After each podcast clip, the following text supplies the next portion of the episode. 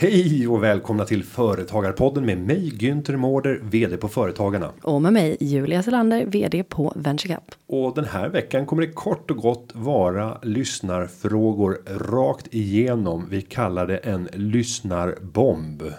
Lyssnarbomben, välkomna till veckans avsnitt av Företagarpodden. Håll till godo. Nytt år, nya möjligheter och nya frågor är ställda Alltid. till Företagarpodden. Här har vi en fråga från Mikael i Uppsala. Han frågar så här. Bra info om att köpa företag den 29.11. Förklara gärna fördelar med ett styck holding AB-bolag plus ett styck aktiebolag i mindre verksamheter. Samt förslag på absolut minsta startkostnad för ett AB med redovisningsprogram offline. Ja, det var en väldigt kort och koncis fråga. Men Jag var lite elakt här också läste särskrivning för att det stör mig. Ja, men det nu. Nu ska du inte vara sån. Jag är snäll efter jul. Ja, Mikael, det var en bra fråga. det var en mycket bra fråga. Jag skulle vilja ha ännu mer kött på benen för att kunna ge ett bra svar. Men Hur nu- tolkar du frågan då? Nu gör jag tolkningar. Jag tror att eh, Mikael vill ha svar på när är det intressant och när är det inte intressant att ha ett holdingbolag. Mm, så tolkar När jag man den. äger ett stycke mindre verksamhet som bedrivs i aktiebolagsform. Nu tycker jag att du är lite hård mot mig här. Nej, nej, jag är inte hård mot dig. Nej, det var inte meningen att förlöjliga någon. Bra fråga. Ja. Vi tolkar frågan på följande vis som eh, Günther precis sa. Och, Vad och, tycker och, du? och, och sen nästa eh, fråga. Det är ju hur kan man komma billigast undan? När det gäller eh, att sköta den löpande bokföringen och kunna göra sitt bokslut. Det har vi tips på. Ja, ska vi börja där? Det Mm. är absolut, bi- om du ska säga absolut billigaste och han nämner också ordet offline. Ja, Men då tänker jag så här, om man har bestämt sig för att sköta redovisningen själv och inte har kompetensen, hur tillskansar man sig den? Jo, man tar reda på det och vill man då inte gå ut online, då går man väl till biblioteket och fixar sig ett lånekort, Det gör man. tänker jag. Ja, och du kan ju signa upp på en kurs. Eh, både distans och fysiskt på universitet och högskolor. Och det är också kostnadsfritt. Eh, för att lära sig att göra detta hantverk för hand. Och då är kostnaden tidsenheter men inte några monetära enheter. Exakt. Men tid är pengar som ni vet. Så att nog blir det en kostnad. Sen om man tänker så här. Ja, men vad, om vi tänker lite online. Han kanske tänker så här att jag vill ha ett program som jag laddar ner till min dator. Och sen kan jag köra offline. När jag flyger mellan Paris och New York. För att kunna sitta och göra bokföringen. Kan vara en sån sak också. Det kan absolut vara. Eh, och, och där finns det ju liksom off, offline funktionalitet tror jag i de flesta. Eh, även online tjänsterna. Eh, att det finns möjligheten. Jag ska inte slå gift men. Men de- eller att man eh, kanske vill eh, lära sig hur man sköter bokföringen. Det finns ju otroligt mycket att ta del av online. Om man googlar lite. Ja, gå ut och googla. Eh, bokföringsprogram. Så får du se mängder av förslag. De, de stora aktörerna på det här området från den gamla världen. Det är ju så här, Visma SPCS, Fortnox, Hogia. Det är ju giganterna. Eh, Eh, sen så om vi tittar på uppstickarna så finns det hur många som helst som har innovativa och smarta tjänster. Men som är väsentligt mer online än vad Mikael efterfrågar. Jag såg den som var toppratad bland de nya initiativen. Det var Bokio. De dök upp högt i det organiska söket på, på Google. Eh, och där var det kostnadsfritt. Men eh, man kan köpa tilläggstjänster såklart. Såklart. Eh, och det är där de vill tjäna pengar. De vill få in folk att använda den här tjänsten och erbjuder rätt mycket gratis. Lite så här färgskrivar affärslogik. Logik. du säljer iväg färgskrivaren för nästan ingenting och sen så kostar patronerna jättemycket kanske. Eller lite som vad heter det? Um, Nespresso också. Maskinen Ja, är inte ja, så precis. dyr, men kapslarna. Eh, får jag bara dra en liten sån här passus från när jag gifte mig i Göteborg. Självklart får du göra det. Då gick jag till arkitekt, arkitekt eller arkitekt. Ja. det. Du vet att överklassen säger med K. Mm, arkitektkopia. Eh, och frågade vad skulle det kosta. Om jag eh, ville trycka upp eh, programmet och liksom foldern i kyrkan för programmet och även här middagsprogrammet. Jag tror det var eh, 16 sidor. Och eh, jag tyckte det blev väldigt mycket. Och då började jag titta på vad skulle det kosta om jag köpte en färgprinter av god kvalitet. Och insåg att det skulle bli mycket billigare. Även om jag köpte jättefina papper. Så då beslöt jag mig för att köpa en färgprinter för 240 kronor tror jag det var. Eh, och sen körde jag den. Sen tog ju den slut. Och då tänkte jag, äh, jag köper två till. För det var fortfarande bara en bråkdel av vad det skulle kosta att trycka upp det. Eh, och sen så tog ju patronerna slut i dem. Så att jag gick iväg och köpte två till. Så att till slut så sitter man med fem stycken printers. Och då undrar jag, vad gjorde du av de här? De säljer man. Och eh, då är ju liksom all skyddsplast fortfarande på. Så att du har köpt någonting för under 250 kronor. En printer som egentligen kostar mycket mer. Och sen så säljer den vidare för jag vet inte om det var 200 spänn eller liknande. Så att det var ju rusning. Jag blev av med dem på direkten. Helt så här ska jag säga, sprillans nya utan patron. Mm. Det blev rusning. Så att det blev väldigt billigt. Bra, bra tips. Det Eh, låter omständigt som in i krona. bänken. Ja, det tog tid och eh, det var vid flera tillfällen som min fru. Eh, jag ska inte säga grät, men hon var upprörd över att jag, Jag la tänka mig att så hon mycket ställde tid. sig tveksam till, är det här mannen för mig? Kvällen innan bröllopet och jag sitter och printar. Programmet bara, jag vill ha en mysig kväll bara och ladda inför vår stora dag. Så bara, jag ser, det här blir bra, det här blir riktigt billigt. Du anar inte hur mycket pengar vi sparar nu. Mm. Det är precis det man vill höra när man ska förbereda sig för sitt bröllop. Det här blir riktigt Det billigt här blir älskling. riktigt bra. Och det här var ju augusti 2011 och för den börskunnige och i början av augusti eh, för den börskunnige så vet man också att hela marknaden skakade under den perioden och jag låg ju felpositionerad så att jag torskade några hundratusen under de veckorna som följde kring bröll- bröllopet. Äsch. Eh, Men jag sparade in väldigt mycket. Du tog igen nästan alla de pengarna på printen. printen, Ja. ja. Men man kan ju inte heller sätta ett värde på äkta kärlek inte. Nej. Nej. vi ska gå tillbaka till Mikaels fråga. Eh, Ja. När ska man ha ett holdingbolag och inte? Är frågan. Printerverksamhet. Ja, eh, nej, men om vi, om vi går till till eh, frågan när är det intressant? Ja, det är ju när du kanske inte heläger verksamheten som du bedriver verksamhet i. För att om du heläger den, då kan ju du planera din eh, ditt liv och ditt förhållande till bolaget helt själv utan inblandning av andra. Du kan bestämma när utdelningar kommer och så vidare. Om det är en verksamhet som riskerar att eh, träda i likvidation, att det kan hända saker som gör att man konkar. Ja, men då kan det ändå vara intressant att ha ett holdingbolag. För det gör att du kan plocka utdelningar och på så sätt inte börja ackumulera mängder av pengar i bolaget som gör att om du skulle hamna i skiten så försvinner alla de pengarna. Eh, om du istället har ett holdingbolag då kan du ju dela ut dem utan att du utlöser beskattning och låta pengarna vila i holdingbolaget, inte plocka ut dem privat utan de ligger fortfarande där, men de är separerade från verksamheten. Så om man konkar så har du ändå räddat utdelningarna. Ett väldigt känt exempel på det här. Det är ägarfamiljen av on off. Kommer du ihåg? On off. Jag kommer ihåg. De eh, gick ju omkull och konkade. Men ägarna hade säkrat upp och delat ut pengar under alla år som eh, bolaget hade faktiskt funkat och gått. Om man inte hade delat ut de pengarna. Ja, då hade man ju lagt vantarna på de pengarna i samband med konkursen. Och det kan man ju tycka är sympatiskt. För att eh, nog borde leverantörer och, och andra som har intressen i den konkursen få betalt. Det kan jag också tycka. Men ett holdingbolag är intressant om du också äger verksamhet där du har flera delägare och där du inte kan planera de här utdelningarna. Du kan inte göra en effektiv planering av hur pengar kommer ut och kommer till bolaget.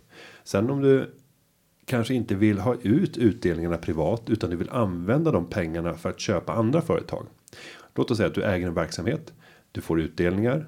Men målet är att använda de pengarna för att förvärva en ny verksamhet eller starta upp en ny verksamhet. Om du plockar ut dem privat först, då måste du beskatta det som att du har tagit ut utdelning och kanske lön då för för det. Och då går det åt en hel del pengar i skatt som egentligen inte behöver betalas om du hade haft ett holdingbolag. Då hade pengarna kunnat vara vilandes i det bolaget i väntan på att göra den där investeringen eller den där uppstarten av nya verksamheten. Snillrikt som du brukar säga. Ja, så planerar man att bygga verksamhet, bygga mer bolag, då är ett holdingbolag absolut att att föredra.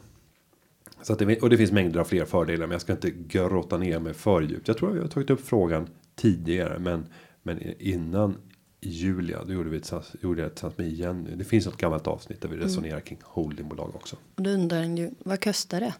Ja, vad kostar det? Men det, aktiekapitalet är ju 50 000. Det går inte att komma lägre i Sverige om du väljer aktiebolag som form. Däremot så kan man ju välja andra företagsformer. Du kan ju använda ett handelsbolag eller kommanditbolag. Som ett holdingbolag?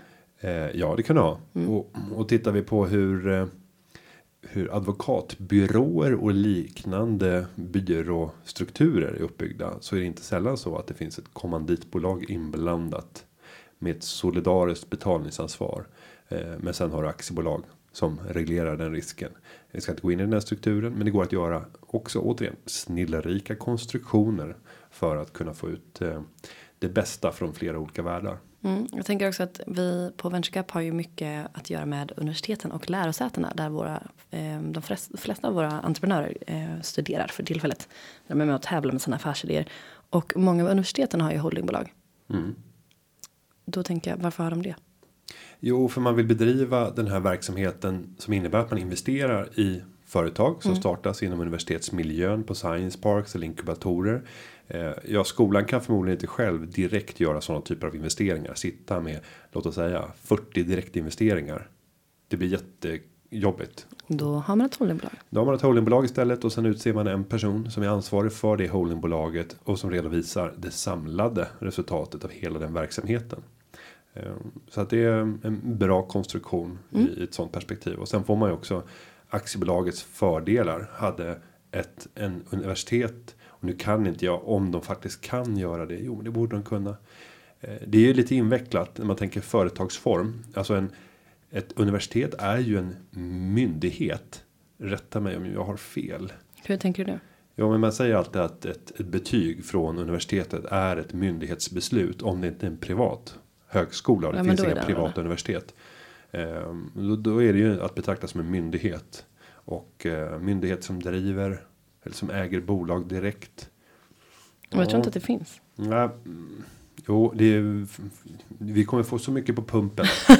Men det är det som är det fina. Alltså, vi, vi vill ju gärna ha på pumpen. För då kan vi rätta oss själva och eh, även lyssnarna som kanske tror på allt vi säger. Det ska man inte göra. Nej, men, eh, men grunden är i alla fall att det är mycket bättre att organisera det genom ett, ett bolag ja. som universitetet har kontroll över. Har vi några lyssnare som har koll så som sagt kom gärna in med en brasklapp här eller flera. Det vill vi gärna ha. Ja, och det kan vara ditt sätt att marknadsföra just ditt universitet eller din högskolas governance struktur för hur man organiserar sitt ägande i studentföretag som man investerar i. Ett riktigt spännande avsnitt. Ja. Mm. Håll, i, håll i hatten. Om man vill ställa frågor Günther, vad gör man det ja, men Då går man in på Twitter eller på Instagram och använder hashtaggen företagarpodden med ö. Eller, eller så går man in på företagarpodden.se. Där finns det ett formulär om man vill vara lite mer långrandig. Mm. Sen kan man ju säga att både Instagram och Twitter erbjuder ju nu ganska långa möjligheter att bre ut sig textmässigt jämfört mm. med tidigare.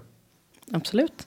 Och sen kan man också ta ett till sätt och det är om man vill ställa ett smattrande batteri av frågor.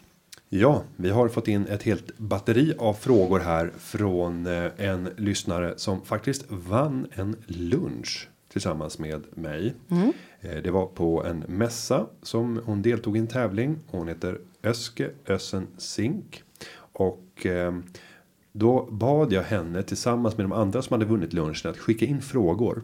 Det var en annan som skickade in frågor inför.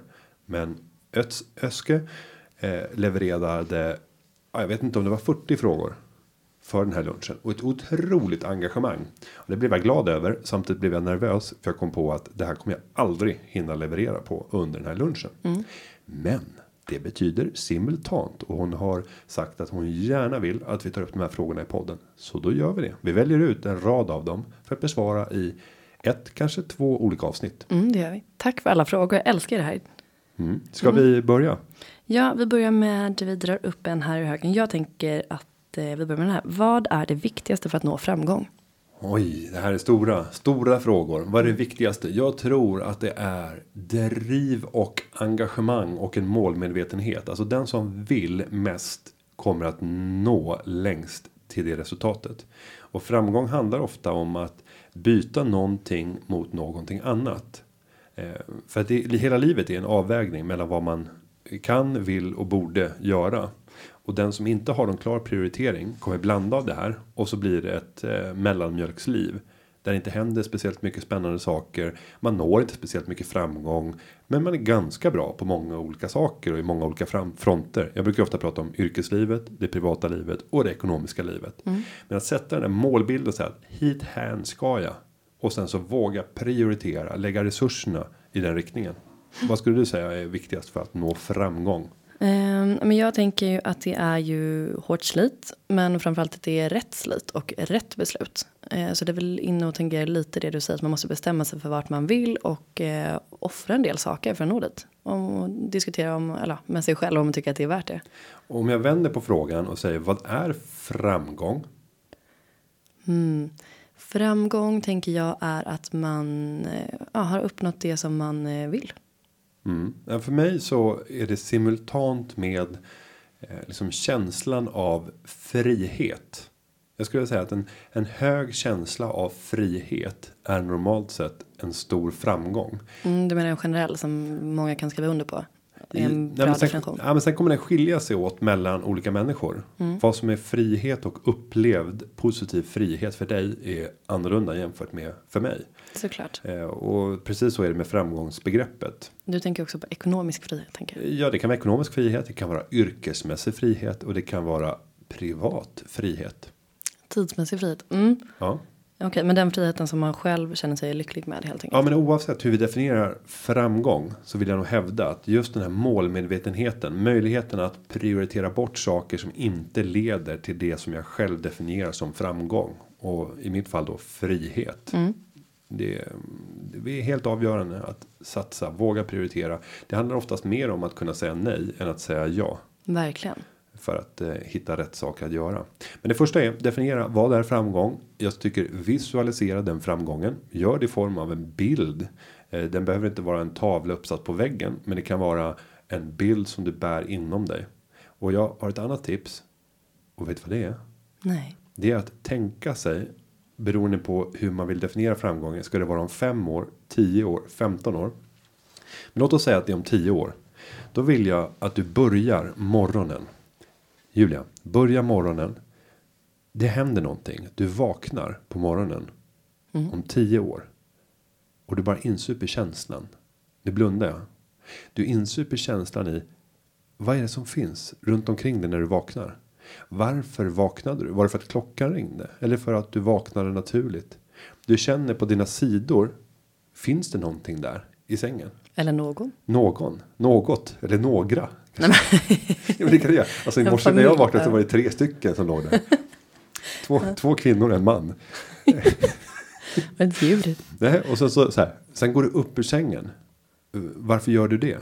Du ser på dig själv i spegeln. Vad är det du ser? Vad Du- äter du? Ja, du går upp, du klär på dig kläder, du går in till, till eh, toaletten. Vad gör du där? Nej, du förstår vad jag är ute efter. Du, du ska gå den här, den här vardagen och sen gå igenom ett helt dygn. Hur såg det ut? Du kom till ditt jobb, du eh, mötte kollegor. Vad var det? Och vad, vad, vad gjorde ni för någonting? Mm.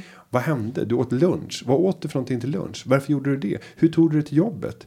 Alltså gå in i de här detaljerna för att försöka sätta drömbilden. Om man har en partner som man tänkt att leva livet med och där det är viktigt att nu gäller att vi har en samstämmighet i hur vi prioriterar. Då är det bra att jämföra de här berättelserna. Mm. Eh, Det är jättespännande att höra om den ena personen får skriva ner och den andra personen skriver ner och sen så föredrar man för varandra och så ser man var i det här har vi en mismatch. Den ena tänker bara på sig själv, den andra tänker på båda. Ja, Klassiker. Eh, nästa sak det är ju att man tar en icke vardag. Du tar en helg. Mm. Hur såg det ut då? En lördag morgon och sen du går igenom en lördag och sen så tar du en semesterdag. Det kan vara eh, liksom en vanlig en vanlig jävla sommarsemesterdag eller en så här, symboliskt viktiga tillfällen. Hur ser en julafton ut? Du vaknar en julafton. Jag älskar det här experimentet så mycket, det är så mysigt. Det är roligt. För helt plötsligt så kommer du se. Vad är det jag egentligen vill åstadkomma? Är det de vita satinlakanen i den ljusa och fräscha vindsvåningen som är målet? Eller handlar det om att jag själv får disponera min tid? Eller ja, vad är framgång? Mm, och sen kan man ju använda det här då som du menar antar jag. Eh, för att här och nu börja påverka det, ja, sitt liv i den riktningen. Ja, vad, vad av det här kan du redan göra? Mm. Eh, och det, det är klart att nej, jag drömmer väl kanske inte om att ja, jag går ner och käkar frukost. Serverar tre stycken havregrynsgrötar till mina barn. Jag själv tömmer ett halvt paket havreknäcke. Och det är ändå lyx i sammanhanget. Mm. Jag brukar ju ha mycket billigare sorter. ehm. Men egentligen, det är väl inte mitt långsiktiga mål. Vad är ditt långsiktiga mål? Eh, nej men det är att få se kraften som frigörs i människor som får förverkliga saker som de inte trodde var möjliga. Då växer jag. Och det kan ske med anställda. Om man är liksom i en operativ tjänstemannaroll. Jag kan växa genom det. Det kan ske genom att jag är delägare i bolag. Där jag ser hur de operativa krafterna växer med den här uppgiften. Och som också är delägare. Ehm, ja, det, det går jag igång på. När jag ser människor göra saker som de inte tidigare trodde var möjliga. Men gör det tack vare att vi tillsammans blir starkare. Jaget är större än laget. Nej, tvärtom. Företagen. Tvärtom. Laget är större än jaget. Ja. Eh, ja, Okej, det- det är men, en eh, känsla. vi, ja, jättefint. Men den här sista biten blir lite för påklistrat tycker jag. Men bra tips. Ja. Mm. Där hade vi framgångsfrågan. Vi går vidare till nästa fråga. Ja. Hur presenterar man en affärsidé på bästa sätt? Och då vill jag kontra över den till dig och säga som vd på Venture Cup så Mm. möter du mängder av företagare eller företagare to be Mm. som presenterar just sina affärsidéer. Hur gör man det bäst? Eh, jag skulle vilja säga att det bästa tipset är att utgå från vem ska du presentera för? Mm. Och så väljer du både kanal, eh, tid, kommunikation, allting utefter det. Eh, för att jag skulle säga att det handlar om storytelling. Så att du måste ju sälja in din idé. Och då måste du tänka på vad går mottagaren igång på? Är det en universitetsklass för att du är en lärare som ska sälja in en, eh, vad det nu kan vara för någonting. Eller är det eh, en investerare? Eller är det en eh, tävling som heter Cup, då ska du presentera det genom en pitch deck exempelvis. Att, mm, ta reda på vad som är det bästa formatet för just den här införsäljningstillfället. Eh, och sen bygg på både hjärta och hjärna. Det är så bra pitchar är, är eh, uppbyggda. Du måste ha fakta, du måste ha ett problem du löser, du måste ha en bättre lösning än det som redan finns. Du måste presentera eh, varför det är bättre och du måste ha någonting som gör att du blir ihågkommen. Det skulle jag säga är bra byggstenar. Bra, bra eh, sammanfattande tips. Eh, Om jag ska försöka addera någonting till det så skulle jag alltid säga kundperspektivet. Och börja med någonting igenkännande. Där ni säger Känner ni igen följande? Och sen gör en beskrivning på det problem som du senare kommer leverera en lösning på. Efter att du har presenterat det här så går du sen över och säger Tror ni att det här är vanligt? Det här problemet?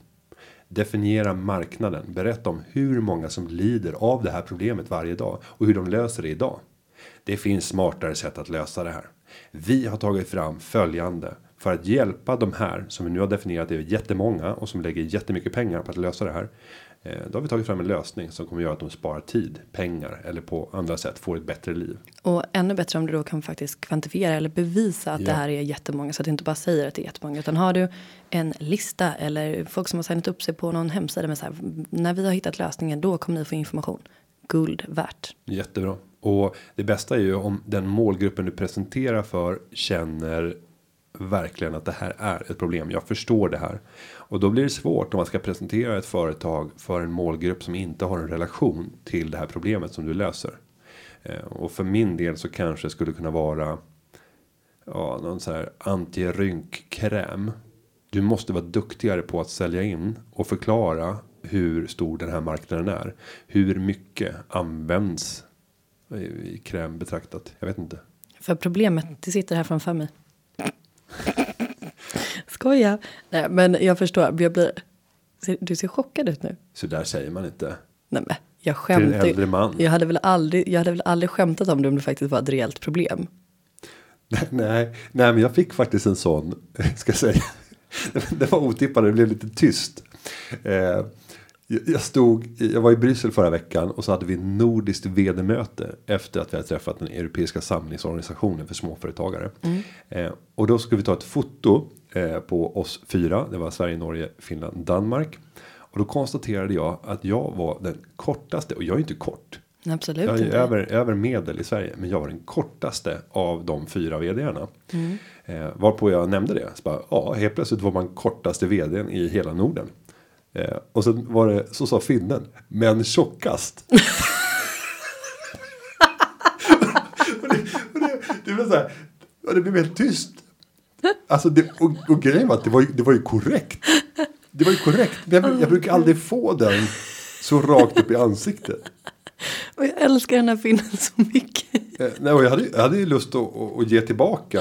Eh, och bara för att du ska, ja vi kanske ska lägga ut. Nej men jag får ont i kinderna. Vad är det här för person? Åh gud vad roligt. ja, eh, Nej, men det, det, det, det var lite, lite annorlunda. Och, och här är den, den finska vdn som fällde detta uttalande. Vad borde jag sagt för syrligt tillbaka? Nu har han precis uttalat mig för att vara tjockast. Alltså jag blir, jag blir som en arg mamma. Vad är det du ser? Nej men det här är ju jättemärkligt. Att jag ska sitta och kommentera på den här personens utseende. Det, jag, jag, Ja, jag han, kom, han kommenterade på mitt. ja, det gjorde han ju visserligen. Men om jag skulle. Jag sa ingenting tillbaka. Det blev bara tyst och pinsam stämning. Jag hade nog sagt någonting stil med. Vad roligt. Då kanske du kan gräva fram någonting ur din lilla rumphaka. Som vi kan. Ja. Om jag hade varit mindre politiskt korrekt så hade jag kanske sagt det. Så var det. Jag känner, Ja. att jag, jag känner att jag har ont i hela kroppen för att jag gillar inte att kommentera på utseenden. Men han började.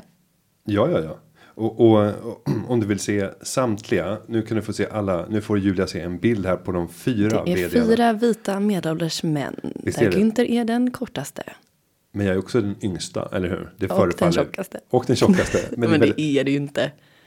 Gud vad roligt. Ja, nej men det, det, ser, det är väldigt eh, likriktat eh, gäng kan man säga. Ja. Ni har även samma färg på eh, skjortorna och eh, ja, ni ser ut som bröderna brothers kan man säga. men jag, jag var den enda som inte hade kostym. Mm. Ja.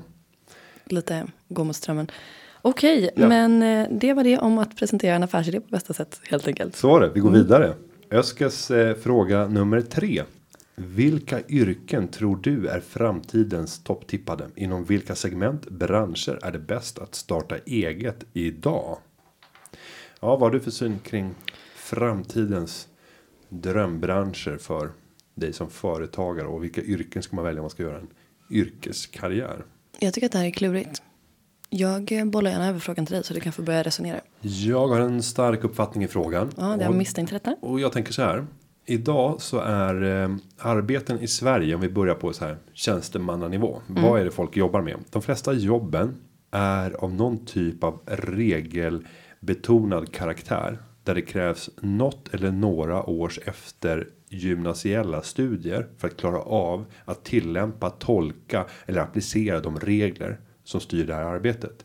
Det kan vara allt ifrån att vara handläggare till att vara biträdande jurist. Det kan vara att man jobbar med bokföring. Alltså alla de här typerna av jobben är någon typ av, av regelbaserad del. Jag tror att de här jobben kommer att bli allt mindre vanliga i takt med att det digitaliseras, automatiseras, robotiseras bort.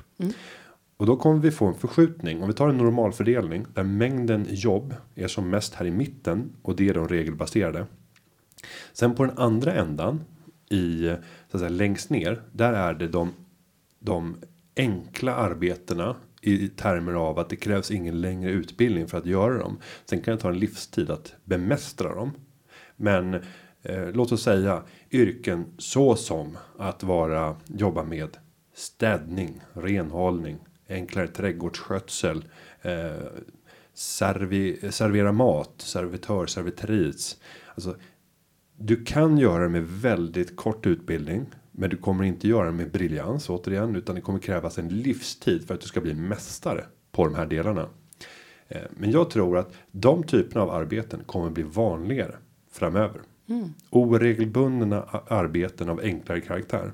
Sen har du på andra änden, då har du de mest högavancerade jobben som kräver väldigt mycket kreativitet. Mm, hög utbildning ofta för att du ska ha ett kritiskt referensverk att utgå ifrån för det är ganska komplicerade skeenden där du ska fatta beslut i miljöer där datorer inte gör sig speciellt bra för att det handlar väldigt mycket om att påverka människor och människors känslor. Ge ett exempel på sådana tycker jag. VD är ett typiskt sånt yrke. Som är svårt att digitalisera bort. Du kan ta delar av momenten i ett ledarskap som VD. Men just den här samlande kraften att vara ledaren över organisationen. Vi kan se otroligt tydligt på en duktig VD vad som händer i liksom personalutvärderingar. Hur hög tydlighet upplever personalen och hur hög energinivå upplever personalen att man har. Det där kommer tror jag lång tid framöver en människa vara bättre på att skapa än en robot. Det handlar också om att eh, tänka tankar som inte är tänkta, att innovera lösningar som inte är lösta. Nu vet jag att robotar och eh, datorer blir allt smartare och kan även göra sådana saker. Eh, vi såg bland annat hur vi har det här spelet AlphaGo eh, som är tydligen ett av de mest avancerade i världen när det gäller mängden alternativ. populärt asiatiskt spel. Men där visar man en dator hur en dator kunde gå för att inte kunna någonting och sen vara självlärande och sen så till slut spela ut världsmästaren på det här. Att börja från noll och sen så dominera.